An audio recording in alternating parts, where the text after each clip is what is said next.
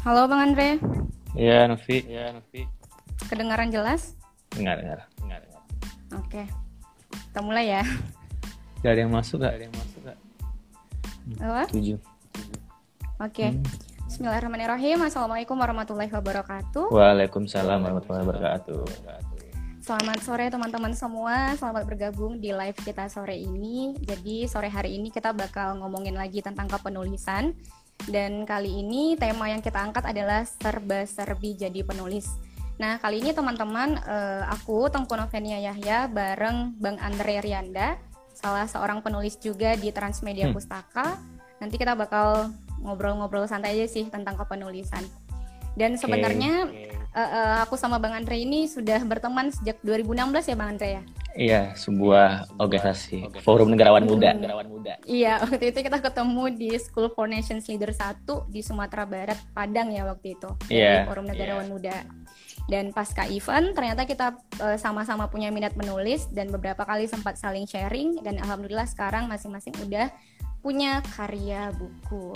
Nah, informasi juga teman-teman, eh, alhamdulillah Bang Andre ini udah menerbitkan tiga buku. Yang pertama itu Kosa Rasa, tahun berapa Bang Andre? 2016. Ya, 2016. Terus Jeda 2000 2018. Oh ya, eh, eh. terus yang terakhir dua sisi ya, Terus satu sisi 2019. 2019. Nah, informasi juga untuk teman-teman, mungkin teman-temanku banyak dari orang Riau. Jadi Bang Andre ini aslinya Pekanbaru, gitu Bang Andre ya? Kan baru yang tahu Arengka apa? Iya, mm. iya di Arengka di Pekanbaru. Tapi sekarang Arengka, lagi Arengka. lagi merantau di ibu kota Jakarta dan terjebak oleh Iya, nggak PSBB bisa ya. pulang nih, nggak bisa mudik. Tadi ada Bang Riko tadi yang nonton tetanggaku Oh iya, di rumah, iya. di rumah Pekanbaru. Mm-mm. Hmm, oke. Eh, teman-teman, tema kita hari ini serba-serbi jadi penulis. Ini siapa dulu yang nanya nih? Eh, kita mungkin kan buku, buku Novi buku pertama Novi itu yang ter- di penerbit besar baru renung ya baru renung ya Iya, benar. Mm-mm. sebelumnya terbit ini pernah terbit ini pernah Pernah. Jadi eh, Judulnya? kalau Novi Physics I'm in Love tahun 2016 sih. oh iya yang itu ya yang fisik Hmm. fisika itu ya fisika itu ya Iya, oh iya tahun 2016 eh, itu nerbitin Physics I'm in Love. Sebenarnya apa ya? Itu semacam prototipe sih untuk eh, pemilihan mahasiswa berprestasi waktu itu. Mm-mm. Jadi nulisnya juga dalam waktu yang singkat sampai sekarang itu kalau misalnya lihat bukunya kayak malu gitu sih kayak kayak apa ya memang bener-bener eh, karya perdana banget dan masih amatiran empat Masih- kali sih nerbitin eh tiga kali di Indi tiga kali masih edit sendiri gitu ya mm-mm, edit sendiri layout sendiri Hmm? Desain covernya siapa? Kalau desain cover dari pernah penerbit sih bang waktu itu. Oh, penerbit. Langsung penerbit. Eh, em, mm. oh. Cuma layoutnya aja sih yang yang aku sendiri, sendiri. Sendiri. Mm-mm. sebenarnya ada basic nulis lah ya dulu. Ha, jadi, nah ini juga teman-teman. Jadi kalau aku pribadi bang itu nulis udah sejak SD sih, sejak kecil suka nulis. Tapi baru sama sih aku juga. Nerbitin- Oh iya, nulis PR buku baru. nulis PR ya SD Oke. Oke, boleh, boleh, boleh. Eh, sebenarnya kalau aku tertarik sama bidang kepenulisan itu udah ini sih sejak kecil sebenarnya suka baca majalah Bobo yang kayak kayak gitu. Nulis Nulis cerpen udah PR. dari SD juga. Kalau nggak pernah Beda sih, ya? Cerpen nggak pernah. Dulu pas mulai nulis bener-bener kuliah, bener-bener nulis nulis. Karya tulis ilmiah apa? Nggak nulis eh, karya sastra. Hmm, hmm, oh yang sastra. Sebelumnya belum pernah nulis apa pun. Nah, itu dia Sebelum- keren ya teman-teman. Mm-mm. Sebelumnya nulis ya nulis praktikum. Waktu kuliah kan praktikum tuh. Laporan. Gitu. Laporan praktikum gitu-gitu. Nah, terus itu apa yang yang menjadi motivasi saat itu? Awalnya tuh mungkin teman-teman yang suka nulis ya atau yang berkarya apa pun deh. Pasti punya motivasi sendiri sendiri kan. Kalau aku motivasinya itu dari punya teman nih, teman dia penulis. Tapi terus kenapa aku nggak bisa juga gitu? Akhirnya aku belajar sendiri.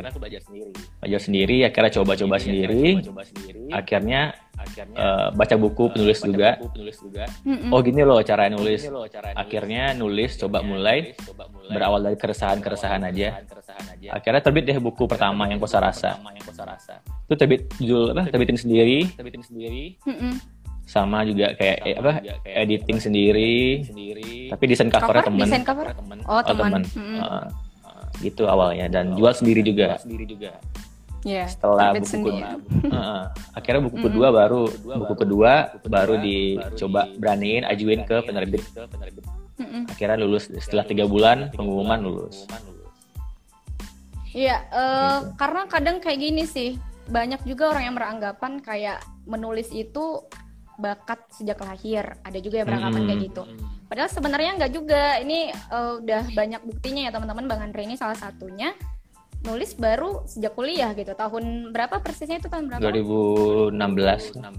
Nah, 2016 sekarang 2020. Kurang lebih berarti empat tahun, 4 tahun berproses 4 tahun. ya. Mm -mm. Tapi bisa gitu. Jadi bisa. Kenapa teman-teman yang lain nggak bisa kayak gitu? Bakat itu uh, gak hanya turun dari lahir, tapi mm. ditemukan. ditemukan. Nah, belajar. That's the keyword. Iya, ditemukan. Tinggal kita mau atau enggak gitu ya. Iya, belajar, ya, berproses, berproses, coba lagi. Coba lagi. Ya walaupun awalnya awalnya, awalnya pasti jelek awalnya sih. Pasti jelek sih. Mm. mungkin kita aja mungkin penulis yang awal mungkin malu gitu ya baca karya sendiri. Iya benar-benar. Ya aku awal baca buku ke satu malu. Kalau teman nih kasih buku ke teman, deh jangan baca deh, jangan baca deh gitu, jangan baca gitu. Karena kita masih nggak percaya diri kan. Tapi lama-lama kan belajar. Ada terima saran juga dari orang-orang. Akhirnya baru mulai-mulai percaya diri. Gitu. Iya, sama sih. Sama kayak aku sekarang kalau misalnya tanya, Novi, buku pertamanya apa? Itu kayak mau ngomongin fisik saya love itu kayak ragu-ragu gitu loh. Kayak takut diminta nanti, aduh jangan baca deh, kayak gitu. Baca dong aja. iya, malu gitu ya. Malu gitu ya. Karena kita masih belum, masih ya, masih awal banget pasti juga. Banyak salahnya pasti. Titik iya. koma, apalagi masih masih masih edit sendiri kan, masih editing sendiri, pasti juga nemu salah gitu kan.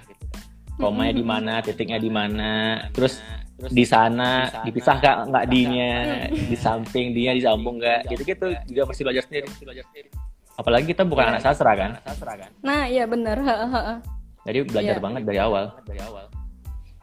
Dan proses sih semuanya tentang proses. Yeah. seiring berjalannya yeah. waktu kita belajar dari uh, proses yang udah kita lalui. Oh ya semalam itu uh, aku kan buka itu ya kotak pertanyaan bang Andre jadi yeah. ada yeah. ada beberapa pertanyaan yang masuk yang menurutku menarik sih buat didiskusikan. Salah satunya yeah. tuh kayak gini pertanyaannya. Mana tadi? Kak, uh, salah nggak jika indikator kesuksesan menulis itu dilihat dari jumlah like postingan? Nah, kalau menurut Bang Andre dulu gimana? Uh, Oke. Okay. Uh, Oke. Okay menurut aku awalnya nih awalnya, ini pengalaman pribadi sih ya pribadi sih. awalnya terbitin awalnya buku jeda, jeda itu, itu mungkin dulu followernya masih dikit banget. dikit banget. Sempet diraguin oleh penerbit Anda kamu yakin nih buku kamu akan laku? oh iya. Iya sempat di, dipertanyain. dipertanyain. Malah disuruh dulu naikin dulu deh followersnya engagementnya. baru bukunya terbit. awalnya gitu cuman aku ngomong sama penerbit akhirnya oke okay deh aku berusaha kan. gimana cara naikin engagementnya? Akhirnya tapi tapi uh, ya nggak? Nggak bisa. Akhirnya kita berusaha semampu kita kan? Akhirnya ya udah deh. Segini deh cuma segini mampu aku. Aku, aku bilang gitu. Akhirnya buku terbit deh. Tapi nggak nyangka bukunya bisa bestseller dan bisa kita ulang. Ah berarti kan nggak Uh, tergantung oleh jumlah followers atau likes-nya buku itu. Tapi gimana kita punya networking sih. Awal, tapi kita pasti punya ini sih, punya teman-teman kita sendiri kan. Awalnya kan aku karena punya temen dulu waktu kuliah beasiswa yang se Indonesia. Jadi punya teman se Indonesia. Jadi bisa kita bantu, minta bantu sama mereka share, bantu publish gitu. Dan itu, tapi tapi dan juga ada sih penulis yang lain, yang followersnya banyak, tapi bukunya juga nggak nggak bestseller. Gitu. Berarti nggak tergantung kan? Berarti nggak banyaknya followers atau like itu nggak menjamin kita akan laku. Gitu sih menurutku ya. Menurutku ya. Iya, sepakat sih.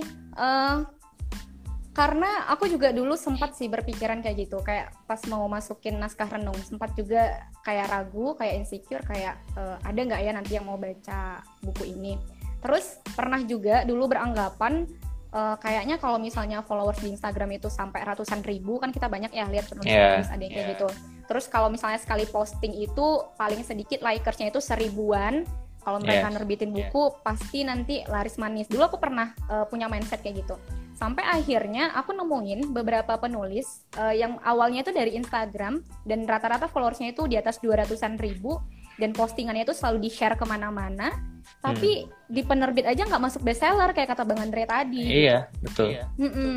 Jadi nggak menjamin. Aku, Uh, uh, di situ akhirnya aku nyadar kalau oh ternyata nggak selamanya berbanding lurus antara uh, apa ya popularitas di media sosial dengan minat baca ketika kita menerbitkan buku kayak gitu. Jadi iya, nggak ya, bisa diukur ya. dari sana ya. Kayak buku Kayak Novi deh. Novi deh. Bestseller kan gitu. Bestseller kan. Juga kan hmm. juga banyak penulis-penulis lain yang lebih banyak followersnya mungkin nggak bestseller. Nggak bestseller. Iya, uh, benar. Itu. itu tadi ya. Real. Real. Ya, jadi real ya teman-teman ya kita berdua real. sudah membuktikan itu. Buktikan. Jadi teman-teman nggak usah insecure untuk uh, nerbitkan bukunya karena nggak mutlak dari situ kok ditentukan faktor kesuksesan buku atau tulisan kita itu laris. Tapi menurutku ini sih, tapi menurutku ini uh, sih. rezeki rezekian gitu ya sih, kayak rezeki rezekian. Mm -hmm. Tapi, iya. tapi kita emang benar-benar nulis itu benar-benar kita harus punya ciri khas sendiri gitu harusnya. Jadi kalau oh baca bukunya si A, oh gini nih gayanya dia nulis baca bukunya si B oh gini nih jadi ada bedanya gitu, gitu. kalau kita kalau kita karya kita pertama dan karya kita kedua itu beda-beda nggak apa nggak konsisten. pasti turun sih pembelinya. Aku ala, ala, ngalamin sih di buku dua sisi kan. Karena beda gitu beda uh, nulisnya. Mungkin Novi tahu kayak bukunya dua sisi mungkin. Yeah, oh. karena beda banget dengan jeda jadi turun penjualannya. karena ini bukan Andre nih gitu. Makanya aku makanya awalnya dah kayak aku harus kembali ke kembali ke gaya nulis jeda Asal. gitu. Nah, kayak gitu. Mm -hmm. Makanya teman-teman kalau nulis, teman-teman kalau nulis tahu dulu nih, tahu dulu genrenya di mana, bidangnya apa gitu. Hmm. Bidangnya apa gitu. Jangan buku pertama ini, buku kedua lain lagi genrenya, ntar malah ntar malah iya gitu. Iya gitu. Fatal sih akibatnya. Fatal sih akibatnya. Bisa iya, fatal, yeah, uh, bisa, malah mm -hmm. bisa malah bukunya malah lebih laris. Untung untung makanya itu untung untungannya. Oh, mm, mm, rezeki rezekian ya. Sama juga usaha. Mm, juga usaha. Iya benar.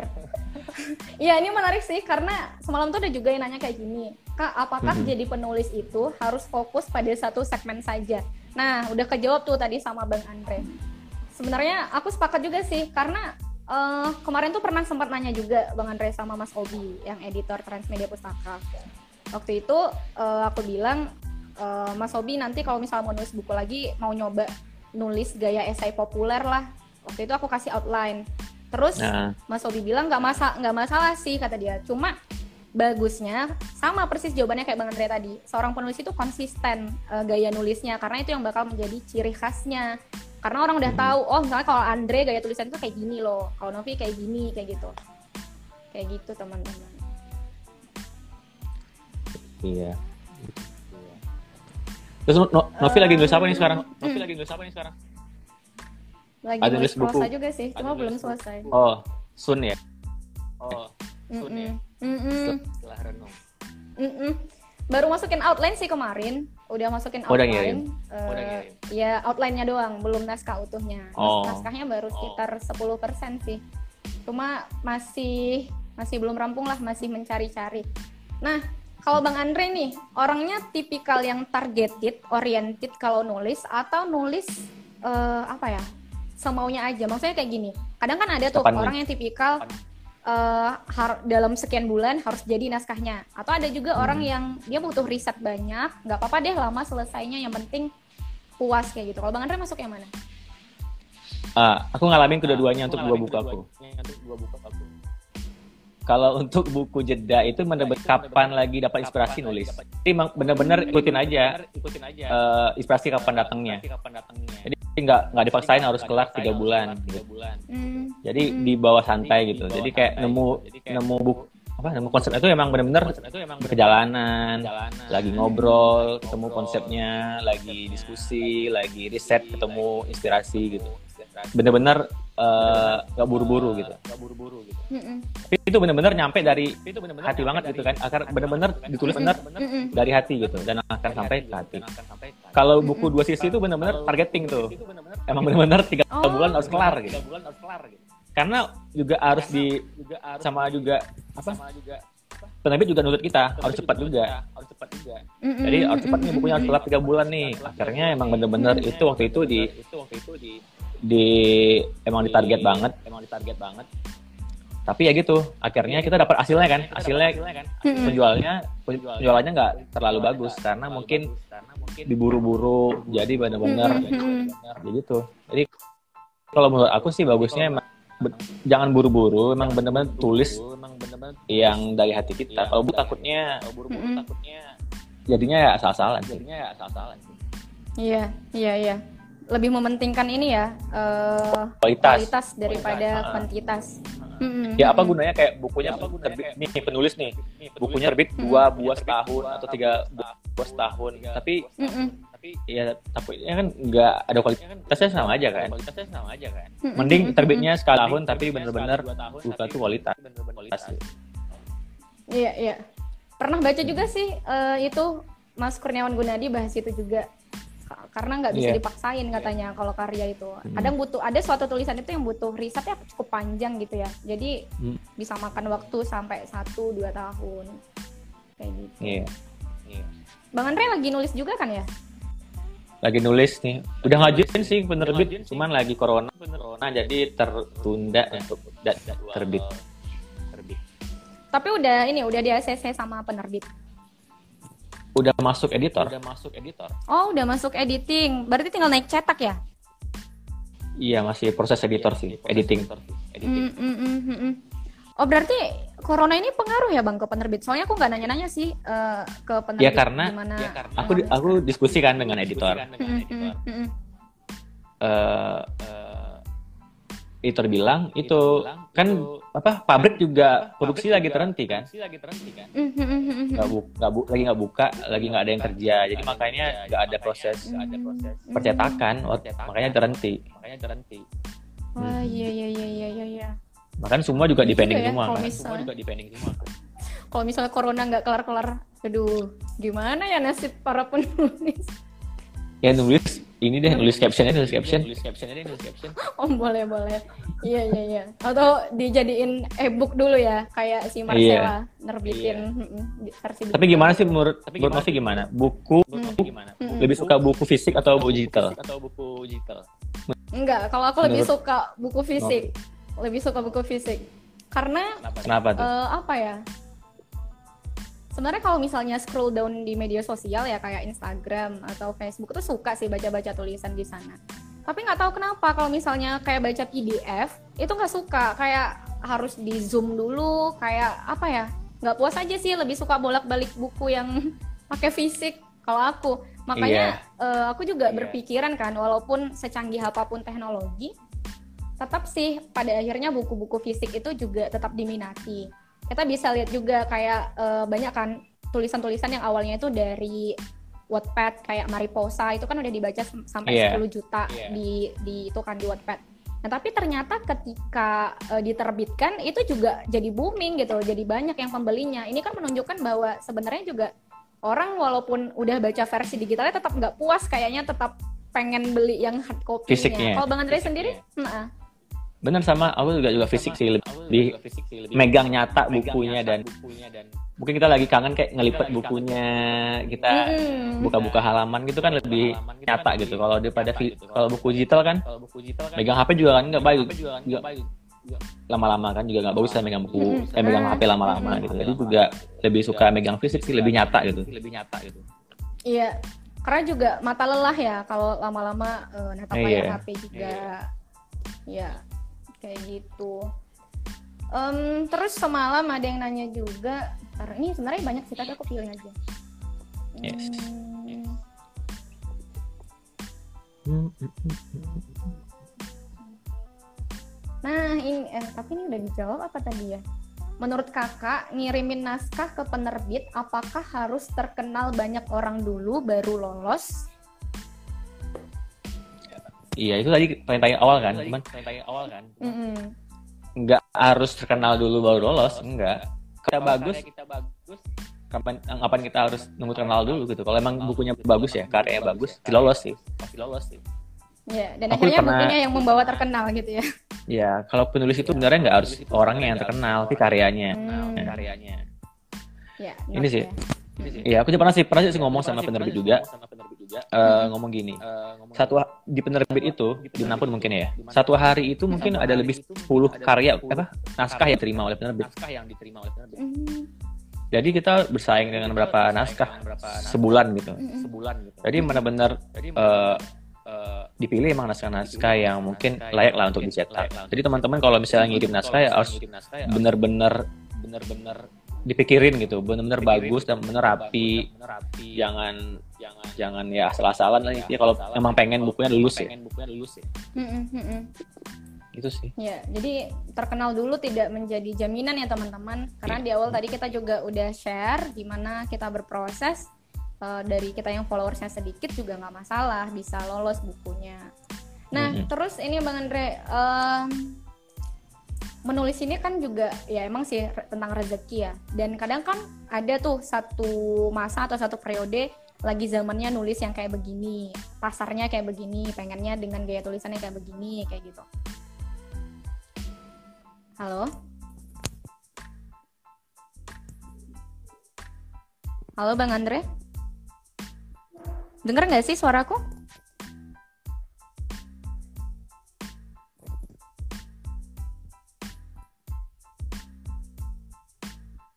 Halo?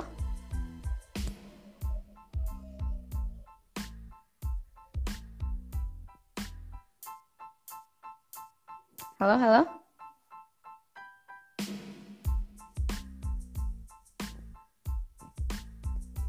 Ini teman-teman denger nggak sih? Suaraku denger nggak?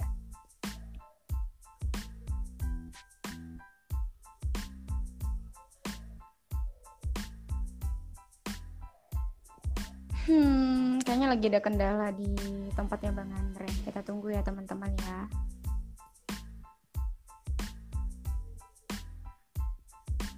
Oh, suaraku berarti denger ya? Suara Bang Andre berarti yang nggak ini ya, yang nggak dengar. Oke, teman-teman kita sambil nunggu Bang Andre. Um, bagi teman-teman yang punya pertanyaan, boleh juga ditulis di kolom komentar. Sih juga pertanyaan yang masuk. Uh, kita tunggu ulang Bang Andre ya. Suara Kak Novi kedengeran. Kayaknya ada masalah jaringan di tempatnya Bang Andre kali. Bentar.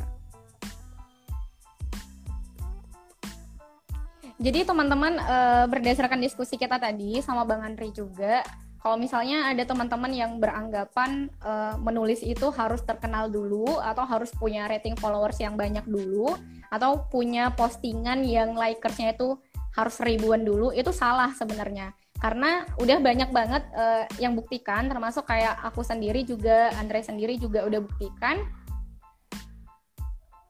Kalau itu tidak menjadi indikator tidak menjadi uh, apa ya tidak menjadi sasaran utama atau penentu buku kita bakal laris atau enggak. Oke kita tunggu Bang Andre masuk ya. Oke halo Bang Andre? Udah. Ya Raffi dengar nggak? Dengar aman? Iya aman. Iya tadi ada gangguan ya tadi lagi di planet tadi ada ada, ada, ada sebuah sebuah roket jatuh. jatuh roket jatuh oke tadi aku ngomong apa by the way ya sampai di mana sih Dani sampai itu sampai uh, itu uh, ngirim naskah ngirim naskah orang-orang ngirim naskah. Orang-orang ngirim naskah. Itu harus kenal dulu oh, nggak oh, iya. sih biar diterima? Harus kenal dulu nggak sih biar diterima? Oh, oh iya iya. iya. Oke, udah kesimpulannya ya. Terus ini ada pertanyaan ntar Mutiara. Kak mau nanya, kalau kita ngirim naskah ke penerbit itu peletakan judul, subbab, bold atau enggaknya itu bebas sesuai kita ya? Nah. Iya. Uh, kita bebas nge-layout sendiri. Bebas nge-layout sendiri. Kita boleh nge-layout sendiri, nentuin halam apa nentuin, nentuin ini letaknya di mana, ini letaknya itu kita boleh nentuin sendiri. Kalau itu kita perlu riset kan? Kita perlu riset kan? Ah, ah, ah, iya. Tapi mungkin ini maksudnya kalau ke penerbit, kalau ke penerbit kita juga ngikutin aturan penerbit nggak sih bang? Maksudnya kadang kan penerbit itu ada formatnya masing-masing. Uh -uh. Kalau mayor kan? ya, kalau mayor. Iya, kita aku juga itu sih bisa kita baca kan, baca dulu di syarat kirimin naskah gimana. Hmm. Misalnya harus formatnya gimana, fontnya apa, spasinya gimana. Ya kita ikutin itu aja dulu. Itu kan masih naskah. Iya. Mm-mm. Nanti kalau kita udah lulus, baru kita ngelewatnya kan. Ngelewatnya kan. Mm-mm, mm-mm. Ya, jadi gitu teman-teman. Eh, kadang setiap penerbit itu beda-beda. Biasanya nggak Mm-mm. nggak jauh beda sih. Tapi supaya nggak salah langkah, ada baiknya teman-teman riset dulu persyaratannya, proses Mm-mm. prosedur penulisannya seperti apa. Jadi baca dulu di webnya atau di Instagramnya, nanti baru diikutin. Tapi kalau misalnya nerbitin di penerbit indie, nah itu baru kita boleh layout sendiri ya Bang Andre ya. Iya, bebas. Itu bebas. Kita kita ngatur sendiri semuanya. Mm-mm, mm-mm. Oke, kayak gitu. Terus, em mana? Aku baru ingat. Tadi ngomongin ini, ngomongin tren.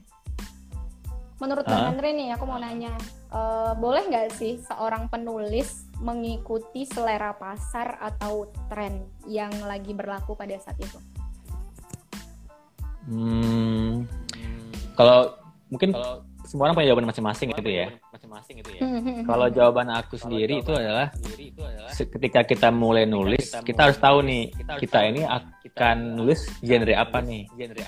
Kita apakah prosa, novel, komik, puisi atau apa. Kalau aku nulis ya pasti kita, kalau aku sih kalau kita emang udah mantep kan kita nulis prosa atau novel, kita harus konsisten di situ gitu. Mm-mm. Dengan mempertimbangkan itu tadi. Eh, oh apa sih yang lagi disukai orang? Hmm, Misalnya kita prosa, kayak aku nih. Oh tapi orang hari ini lagi suka. Oh kan kita tapi misalnya milenial nih target kita. Kita harus tahu dulu. Oh apa sih yang disuka oleh milenial tuh apa sih gitu. Oh gam sukanya visual, sukanya caption. Mm-mm. Makanya kita kalau nulis prosa, seling, makanya aku diselingin dengan gambar, ada captionnya, sehingga nggak bosan gitu kalau orang baca bukunya. Jadi nggak nggak itu semua nggak tulisan aja. Walaupun gitu sih Hmm. menurutku. Iya. Kita konsisten, tapi kita juga harus harus beradaptasi gitu. Mm-mm. Iya, jadi tetap ya eh, pada dasarnya ciri khas kita sebagai penulis itu jangan sampai hilang gitu ya. Kita boleh Iya. sih pan apa ya, bukan pantau sih, riset kali ya, riset pasar sukanya lagi apa sih, orang-orang lagi Mm-mm. sukanya bahasan apa. Tapi tentang gaya nulis kita ya gitu tadi teman-teman, kita harus konsisten eh, ciri khas kita apa supaya orang juga tahu karakter nulis kita seperti apa. Betul. Em, hmm. Oke, ini ada eh sorry sorry. Ini ada pertanyaan. Uh, ada muridku. Assalamualaikum Miss, gimana sih ngatasin pemikiran yang Iya, ini muridku lagi nonton. Assalamualaikum Miss, gimana sih ngatasin pemikiran yang ngeblank waktu nulis? Oke, siapa dulu yang jawab nih? Iya, ada yang jawab. Oke, gurunya boleh. Waalaikumsalam Nisa. Oke, ngeblank waktu nulis itu biasanya dalam dunia kepenulisan disebut sebagai writer's block ya. Nah, kalau aku pribadi ketika lagi nulis Mhm. terus mentok stagnan nggak ada ide itu biasanya aku nggak maksain Eh, ambil jeda dulu oke masuk ya ambil jeda ambil spasi dulu Ambil jeda Oh, tuh renung. waktu. Nah, that's that's right ya. Ambil jeda dulu, merenung dulu kira-kira em, apalagi ya inspirasinya atau bisa juga dibarengi dengan banyak baca buku, kemudian juga mungkin dengerin podcast supaya dapat asupan literasi. Iya. Bahkan aku pernah satu bulan itu nggak nulis sama sekali karena emang nggak bisa dipaksain gitu dan lagi di titik apa ya kayak lagi di fase jenuh jenuh juga sama kerjaan yang lain jadinya maksain nulis pun nggak bisa. Itu sampai pernah aku sampai satu bulan benar-benar kosong nggak nulis sama sekali. Tapi setelah itu semangatnya jadi naik lagi gitu. Kalau versi aku kayak gitu sih. Nggak apa-apa jeda dulu merenung dulu supaya dapat inspirasi baru. Kalau versi bang Andre? Ya sama sih, kita kalau bisa lagi jenuh atau ngeblank, jangan dipaksain gitu. Ntar malah hasilnya malah nggak maksimal gitu. Hmm. Hmm, mungkin banyak yang bilang ya, mungkin kalau aku lagi di rumah aja gitu, lagi WFA, Hmm. terus kata orang, oh bisa dong nulis dong, waktunya nulis dong.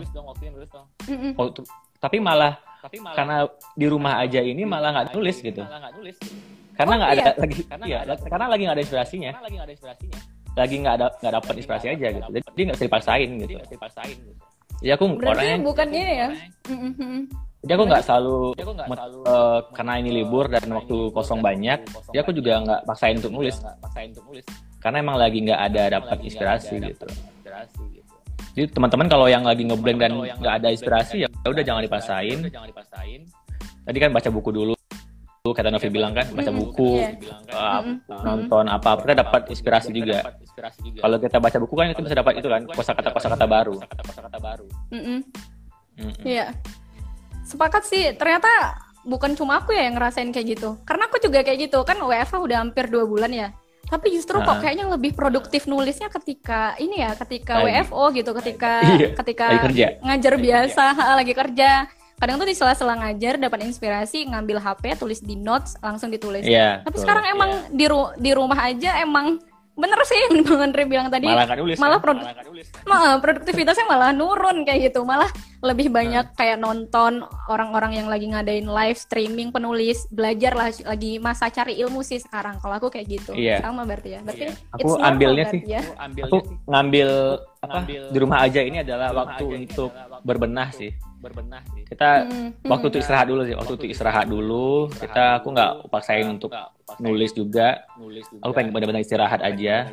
benar-benar untuk memperbaiki diri sih cari ilmu. Mm-mm. ren- merenung gitu. Apa sih yang harus kita perbaiki harus kita ubah? Ntar setelah ini kelar kita harus mulai langkah Hmm. baru untuk gimana lagi gitu. Jadi aku nggak selalu maksain harus karena ini libur ini nulis dipaksain kelar naskah mumpung lagi di rumah nih gitu. enggak Iya. Karena ini juga ya Bang Andre ya, kita juga banyak lihat eh, di rum- selama di rumah aja ini banyak banget eh, teman-teman yang mau berbagi ilmu secara gratis kan. Nah, iya ini kesempatan juga bagi kita untuk asupan lagi sih. Aduh, di sini listriknya mati. Wait, wait. Oke, masih jelas kok nggak apa-apa. Eh, jadi nggak bisa dipaksain produktivitasnya diikut ikutin apa ya? Ikutin dulu seminar-seminar yang ada atau kelas-kelas gratis yang ada untuk eh, menambah asupan literasinya kita. Kayak gitu ya. Eh, selanjutnya ini jaringan aku apa jaringan Bang Andre ya yang yang lagi nge-lag. Oke. Selanjutnya ini ada pertanyaan dari Intan Pitaloka. Kak, Mm-mm. kan pas ngirim naskah biasanya ada form yang isinya sebutkan buku kompetitor untuk naskahmu. Itu kakak riset dulu atau gimana? Nah, gimana Bang Andre? buku kompetitor eh ya riset kalau aku sebelum nulis buku aku pasti baca-baca buku orang lain dulu sih. Baca-baca oh gini ya orang nulis. Tuh. Mm-mm. jadi kita bisa Berarti tahu dulu riset- oh bisa tahu dulu gimana sih cara orang nulis? Orang nulis apa? Gimana sih cara orang ngambil konsep nulis? Gitu. Itu bukan kompetitor sih menurut kita kan Mm-mm. kita kan nggak apa ya Mm-mm. nggak bersaing dengan orang lain gitu. kita segmen masing-masing. Mm-mm. gitu sih. Mm-mm. aku lebih ke sih, misalnya kita mau terbit buku nih kita menulis buku nih.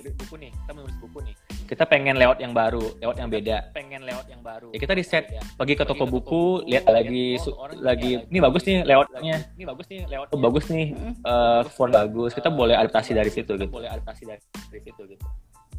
Ya, jadi memang riset adalah kuncinya ya untuk tahu Kunci kira-kira penting. naskah yang kita tulis itu mendekati dengan buku siapa kayak gitu. Oke, eh, lanjut ya ke mana lagi? Nah, nih Bang Andre kan pekerjaan utamanya nggak cuma nulis ya, maksudnya kan juga ada kerjaan di kantor ya. yes yes Mm-mm. Itu kalau pernah nggak sih kayak ketika lagi ngeras lagi, lagi jenuh sama kerjaan di kantor, lagi tumpukan kerjaan, terus sempat nggak kepikiran kayak kayaknya nanti aku mau resign deh setelah masa kontraknya habis, terus fokus nulis aja. Pernah nggak sih kepikiran kayak gitu? Eh, enggak sih enggak sih karena aku Oh, enggak. penulis penulis itu bu bagi kan beda-beda ya menurut orang kalau orang ada penulis yang memang benar-benar total total di penulis gitu Mm-mm.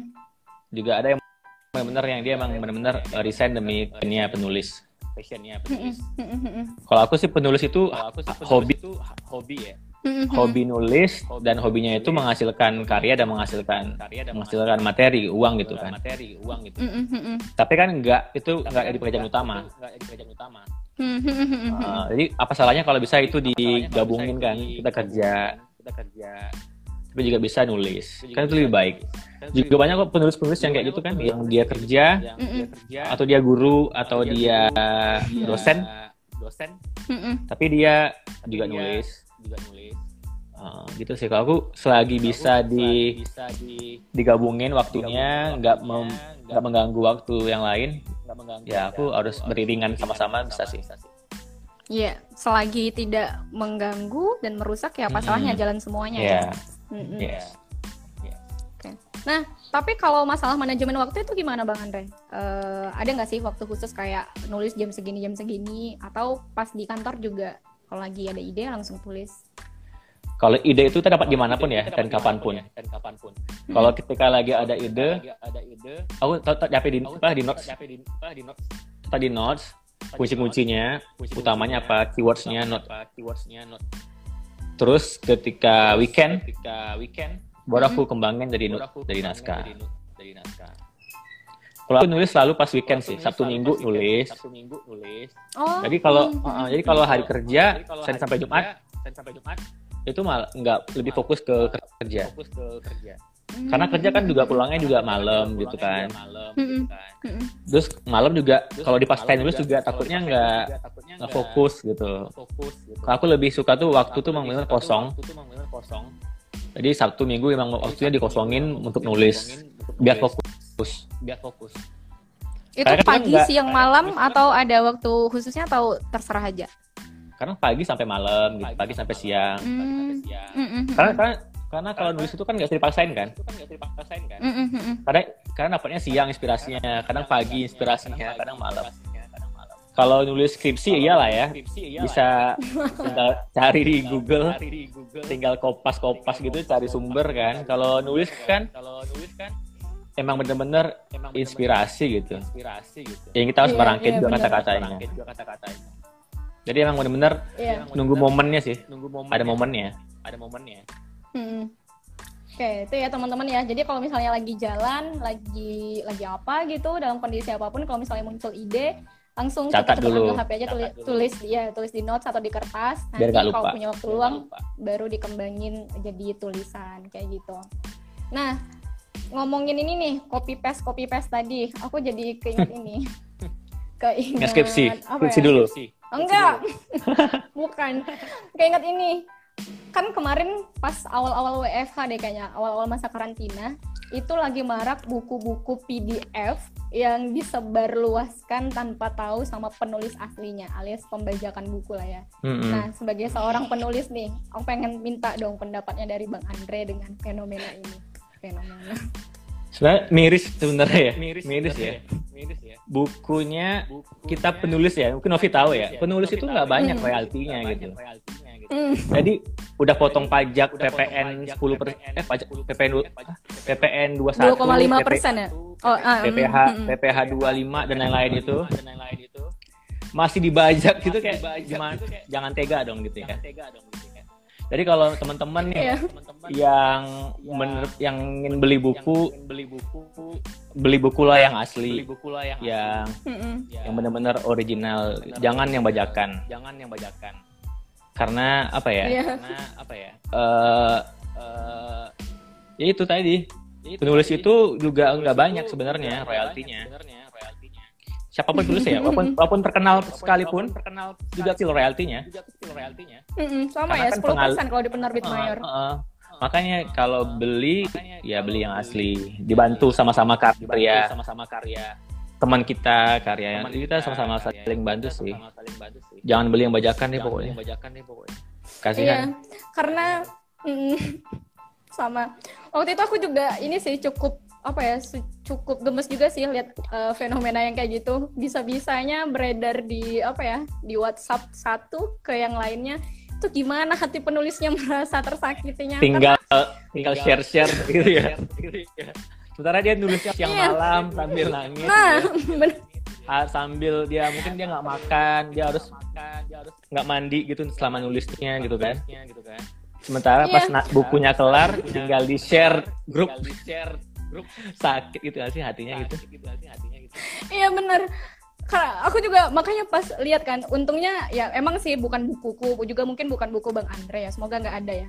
Cuma emang kita langsung kebayang kan sama proses kita nulis gitu kayak iya. ya ampun iya. aku aja yang nunggu satu tahun bukunya terbit bisa kalau misalnya seandainya digituin ya Allah itu sakitnya gimana penulis setahun nunggunya pengumumannya belum lagi dimarah-marahin. Lagi dimarah-marahin. Dimarah-marahin itu. Itu tiba-tiba bukunya belum kesebar lagi, aja kan? Kesebar aja. Belum lagi proses nulis naskahnya bisa nyampe berbulan-bulan. Aduh teman-teman iya. pokoknya ini so, bener-bener the real heart kita ya suara hati kita teman-teman sebagai penulis. Jadi tolong kalau misalnya teman-teman yang nonton ada yang melakukan itu stop sampai di situ. Jangan lagi melakukan pembajakan buku. Walaupun itu cuma nyebar PDF doang dari satu ke yang lain. Mungkin niatnya ada uh, yang nggak tahu kali ya. Mungkin niatnya baik pengen apa ya pengen share berbagi uh, berbagi gitu ya, ya berbagi uh, uh, nemenin orang-orang WFH selama karantina.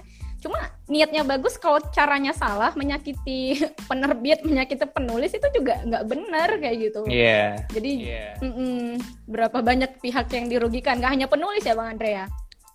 Bayangin nih apa? Bayangin nih nasib para pekerja di produksi pabrik percetakan itu kan mereka juga capek siang malam cetak buku berapa X lampar bukunya yang harus dikirim, toko bukunya juga rugi, penjualnya, penulisnya juga, kan editor, semuanya kan merasa merasa merasa dirugikan gitu kalau emang iya, dibajak gitu. dibajak merasa dizolimi. Sampai tukang kurir yang Zolimi. ngantarin buku ke rumah-rumah juga merasa rumah-rumah. Uh, betul.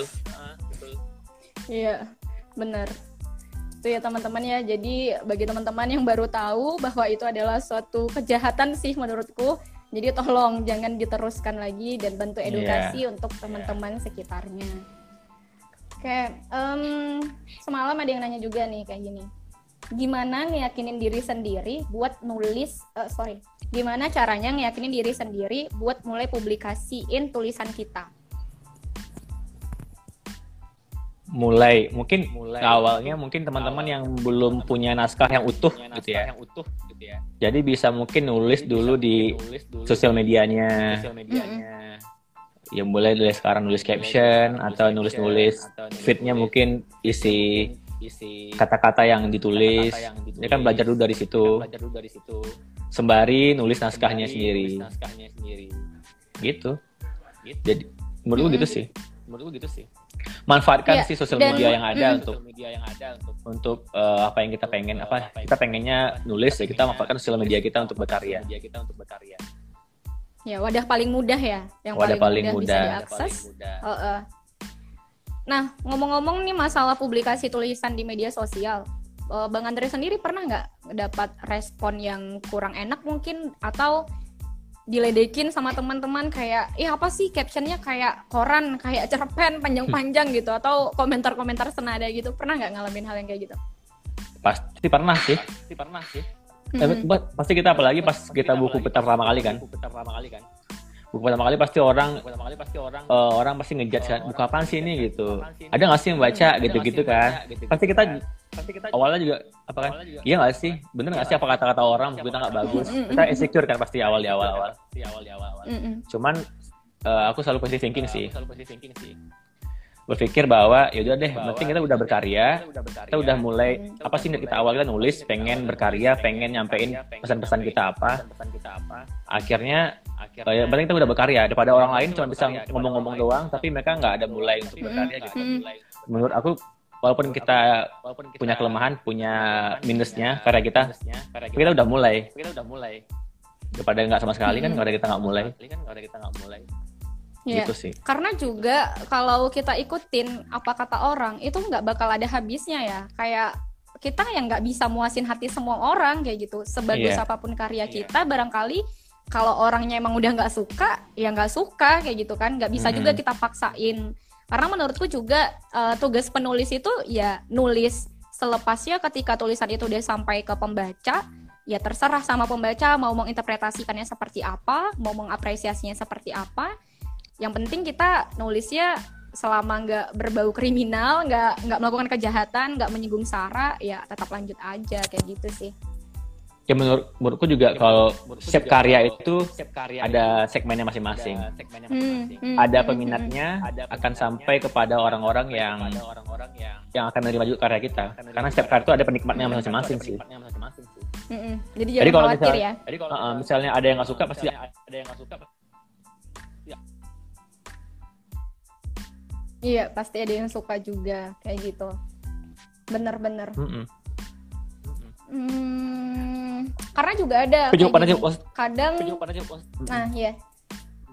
Gimana? Juga pernah kan juga ada gitu, juga ada yang orang yang juga ada yang orang, orang yang ngejudge kita kan, oh bukunya buku apaan sih nih gitu-gitu kan. Buku apaan sih nih gitu-gitu kan. Mm -mm.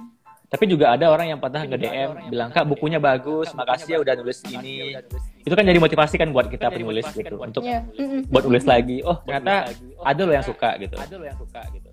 Jadi kita itulah yang yeah. kita ambilin, kita ambilnya itu sebagai penyemangat kita. Sebagai penyemangat kita. Jadi Aku lebih fokus sama yang ini ya, sama yang, yang suka aja. positifnya. Yang suka aja, yang, positifnya yang suka aja. aja ya benar. Mm-mm. Bener. Karena karena mm-hmm. Karena kita itu tadi kan, karena punya segmennya masing-masing. Iya. Dan kadang itu juga ada yang apa ya? Kadang ada silent readers yang misalnya dia nggak like eh, nggak uh, like postingan kita atau dia nggak komen postingan kita atau uh, tapi dia beli buku kita tapi dia juga nggak hmm. pernah posting atau ngasih tahu kita itu ada yang kayak gitu, gitu. ada ada jadi ada, ada. nah uh, ada. Jadi benar kata bang Andrea tadi bahwa setiap karya itu percayalah ada segmennya dan ada pembacanya masing-masing jadi bukan berarti ketika nggak ada yang like, nggak ada yang komen, itu belum tentu karya kita tuh belum nggak ada yang baca. bisa aja ada yang baca, tapi dia nggak like, dia nggak tekan tombol komentar, atau dia nggak ngepost buku kita. Jadi eh, nggak uh, bisa juga sih semuanya itu kita pandang dari dari apa ya dari permukaannya aja kadang ada hal-hal yeah. yang nggak tampak yeah. yang nggak tampak tapi sebenarnya itu ada kayak gitu teman-teman malah pernah dulu aku gini ya dulu waktu itu lagi hmm. ngopi lagi ngopi hmm. di Starbucks di Starbucks abis, abis itu ada orang yang baca buku jeda oh, terus iya? kan Iya, tapi dia nggak ngeh ada aku. Apa juga nggak ngeh kan? Aku cuma cuma liatin aja. liatin aja. Ya cuma liatin aja dia baca buku itu. Jadi baca aja, tapi dia mungkin dia ini kayak nggak nggak nggak ngetek, nggak foto bukunya nggak ngetek juga. Dia baca aja. Kan juga ada orang yang gitu kan, yang tadi yang silent reader itu dia. Silent reader itu dia. Iya. Dia cuma baca aja. Dia mungkin nggak ngefollow penulisnya juga mungkin. Dia mungkin juga nggak ngetek juga. Dia cuma baca aja. Dia cuma baca aja. Juga ada kayak gitu. Juga ada kayak gitu sama ini nggak uh, sampai ngeh nggak dia kalau eh penulis jeda ternyata di sini. Nggak nggak juga dia, ya dia nggak ngeh dia fokus baca dia pakai handsfree dia fokus oh, baca gitu. Mm, jadi aku cuma merhati keren, aja keren. Ada, uh, ketawa gitu terus nggak di nggak nggak jadi paparazi di difotoin dari jauh. Enggak biarin aja dia baca fokus. oke. Okay. Nah, itu teman-teman itu bukti nyata ya, contoh nyata ada silence reader di sekitar kita. Um, sama sih aku kalau aku kemarin kayak gini bang Andre. Ada teman yang yang ngecapture uh, postingan orang di Twitter. Fotonya mm -hmm. itu seseorang lagi main gitar terus sambil megang buku renung. Dia ngirim ke aku eh ini kayaknya bukunya nggak asing deh ini buku Novi kayak gitu. Pas aku lihat eh iya ya. Terus pas aku lihat namanya kayaknya nih orang nggak pernah deh nge-DM atau dia ngeposting di Instagram kalau dia lagi baca buku itu. Tapi hmm. anak-anak hmm. Twitter gitu dan ternyata ada yang kayak gitu. Ada. Ya aku juga ada pasti mm -hmm. gitu juga ada pasti gitu. Mm -hmm. silent reader ya. Oke okay, um, takut deh bukunya nggak dibaca pasti ya. Minimal dibaca kita sendiri editor minimal teman-teman ya, teman-teman ya, adik-adik kakak gitu ya. Kakak gitu ya. Tapi aku malu sih buku aku dibaca oleh keluarga aku sendiri. Oh, oh iya, pernah nggak? Udah, udah belum? Udah belum? Udah dikasih cuman kan udah dikasih kita kan, agak uh, malu gak sih kalau dibaca sama keluarga kita sendiri keluarga kita sendiri kok sama ya? Apa semua penulis kayak gitu atau gimana ya? Sama ya, kayak gitu sama sih, kayak, ya, kayak gitu sih, bukunya dibaca hmm. oleh adik orang orang tua gitu kayak masa merasa malu gitu. Pengen disembunyiin gak sih? Iya. Tapi nggak bisa kan? Tapi nggak bisa kan? Uh -uh. sama uh, jadi kayak uh, uh, uh, kalau aku kemarin pas uh, kan kita kalau habis nerbitin buku paketan bukti terbitnya itu kan ada kan nyampe ke kita. Iya. Yeah. Nah, iya. Yeah. Itu pas awal juga aku pas nyampe buku paketannya terus ditanya kan sama mama juga sama kakak ini buku apa terus aku kayak ya aku cuma jawab ya bukuku kayak gitu dan pas dibilang boleh nggak dibaca nantilah kayak gitu enggak nanti deh kayak apa nanti ya deh, nanti deh, nanti deh. nah nggak nggak pede gitu jadi akhirnya sampai eh, ternyata kayak mamaku itu diem diem masuk kamar baru baca terus besoknya baru bilang udah mama baca buku adik cuma dua jam kayak gitu. Oh iya kayak gitu. Gimana gimana? apa bagus ya? nggak gitu ya? Nggak nanya lagi sih kayak malu nanya lagi. gimana gitu ya kayak oh. Enggak nggak nanya lagi. Jadi kayak oh ya udahlah penting mama udah tahu kalau aku nulis buku ini. Ya udah kayak gitu. Nggak nggak ditanyain lagi. Sama aku juga gitu. Kayak masa kadang malu dibaca oleh orang tua sendiri gitu. kira-kira Cuman- kenapa ya? Menarik sih ini mungkin karena kita ini mungkin merasa eh, karena anaknya mungkin. mungkin. Mungkin gini mungkin Hmm. orang tuh mikir ini anak gua bisa nulis bener nggak sih? Gitu gitu. Mungkin kayak kita merasa "Ya bisa loh gitu. Tapi karena kita nggak takut Heeh. di apa sih mungkin takut dikritik mungkin ya sama orang tua sendiri mungkin ya. Hmm. Jadi kita kayak ditanyain ini bener kamu yang nulis ini? Iya. kayak nggak percaya gitu orang tua kita. Hmm, hmm, hmm. tapi udah percaya Iya, sekarang. oke. Nah ternyata bukan saya aja yang mengalami teman-teman. Mm-mm. ada yang lain juga mengalami hal yang sama. Oke menarik. Terus apa ya? Em,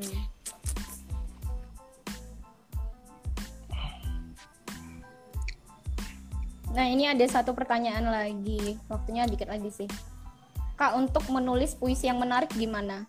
Sayangnya aku nggak nulis puisi. Kalau bang Andre nulis puisi nggak Hmm, nulis puisi dulu SD sih ya. Kalau ada PR dari sekolah. PR lagi Kalau- ya oke Iya. Terus kalau sekarang nulis puisi nggak puisi? Pernah sih iseng ya. Waktu ada lomba ini nih, lomba tulis puisi oh hmm, di Instagram. hmm. Terus aku iseng deh, iseng ngirimin puisi ke lomba itu. Hmm, hmm. Tapi nggak menang sih. Cuman kayak, kayak ini bakat aku kayak nggak di sini deh. Kayak kayak nggak di puisi ini deh gitu. Akhirnya udah kembali ke awal aja deh. Gitu. Oke, udah balik ke asal, nggak usah Iya, ngikutin cuma pengen yang lain kayak pengen gitu ya. iseng doang. Mm-mm. Pengen Mm, ngetes challenge aja. sendiri ya. Iya, challenge Mm-mm. diri sendiri. Kira-kira gimana sih aku nulis puisi? Kira-kira orang ada kira-kira menang gak sih ini gitu kan? Tapi akhirnya nggak nggak menang. Iya. Iya, sama sih. Kalau aku dulu eh, SD SMP nulis puisi. Eh, bukan karena tugas, tapi karena emang challenge sendiri juga. Dan dan sama sih kayak beberapa kali ngirim eh, menangnya itu banyaknya menang baca puisi, bukan nulis puisi gitu. Jadi di situ juga tahu kayak oh kayaknya puisi it's not my genre gitu. Jadi ya udahlah nggak usah nggak usah dipaksain karena emang nggak nggak ini nggak genrenya.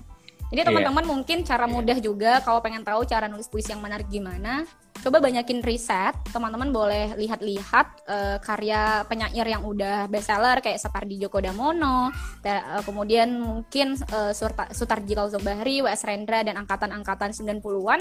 Nah, bisa dilihat di riset itu karya-karyanya seperti apa. Karena paling mudah itu menulis memang dengan cara riset. Jadi kita bisa belajar dari penulis terdahulu kayak gitu. Nama-nama juga kan apa? Nama-nama kosakata juga. Kosakata kita nama bertambah bertambah jadinya kan. Iya, mm-mm. iya. Oke, Bang Andre nggak kerasa ini udah hampir satu jam. Kita punya waktu dua menit Iya. lagi. Iya. sih. Uh, uh, mungkin uh, masing-masing mungkin ya uh, kita emang bener-bener santai banget ya teman-teman yang ngobrol sore hari ini. Tapi semoga ada manfaat yang bisa teman-teman petik, yang bisa Ada maknanya. Iya, ada maknanya walaupun kelihatannya santuy. Oke, uh, Bang Andre mungkin ini dong. bukan apa ya closing statement atau apa lah pokoknya eh, kalimat pemantik untuk teman-teman yang mau berkarya menulis Iya, mungkin aku simpulin dari tadi mungkin teman-teman yang mau mulai untuk nulis atau karya apa pun, awal pasti jelek gitu. Tapi kita berproses untuk belajar lagi, belajar lagi hingga sampai kita bagus gitu. Jangan takut un- untuk nggak ada yang baca. Percayalah setiap karya pasti ada segmennya masing-masing, pasti akan sampai kepada eh, pembaca masing-masing itu sih. Jadi teman-teman jangan takut deh sih. Penting mulai mulai dulu. mulai aja dulu ya itu kunci Mulai aja dulu. Kalau kita nggak boleh mulai, tak- takut takut terus kapan gitu. Hmm, Ntar malah kiamat kan. kapan tahu hasilnya aduh Iya. jangan corona aja udah nggak sanggup kelamaan mulai ntar kiamat mulai ntar kiamat iya dan tambahan juga teman-teman terakhir dari aku uh, menyambung sih dari yang disampaikan bang Andre tadi. Jangan pernah uh, berhenti mencoba dan jangan yeah. pernah mencoba untuk berhenti. Karena hmm. mulai aja dulu uh, nanti bakal tahu hasilnya kemudian gitu. Kalau nggak dimulai-mulai ya diam di tempat nggak pernah bakal tahu hasilnya Betul. Oke, makasih banyak Kak Novi Bang Andre. Ya, sama-sama. Sama-sama. makasih. Iya. Bang Andre, makasih banyak atas waktunya. Teman-teman yang udah nonton juga, terima kasih banyak. Ini insya Allah nanti kalau bisa di save, aku save. Uh, nanti kita sharing lagi kapan-kapan. Dan Bang Andre ditunggu karyanya ya. Oke. Okay. Doain juga karya aku nyusul. Aku juga ya. Aku juga ya. Oke, okay. semangat berkarya terus. Iya, amin. Terima kasih banyak uh, atas waktunya. Selamat menunggu buka ya. puasa, Bang Andre. Assalamualaikum warahmatullahi wabarakatuh. Buka puasa. Waalaikumsalam warahmatullahi wabarakatuh. Assalamualaikum warahmatullahi wabarakatuh.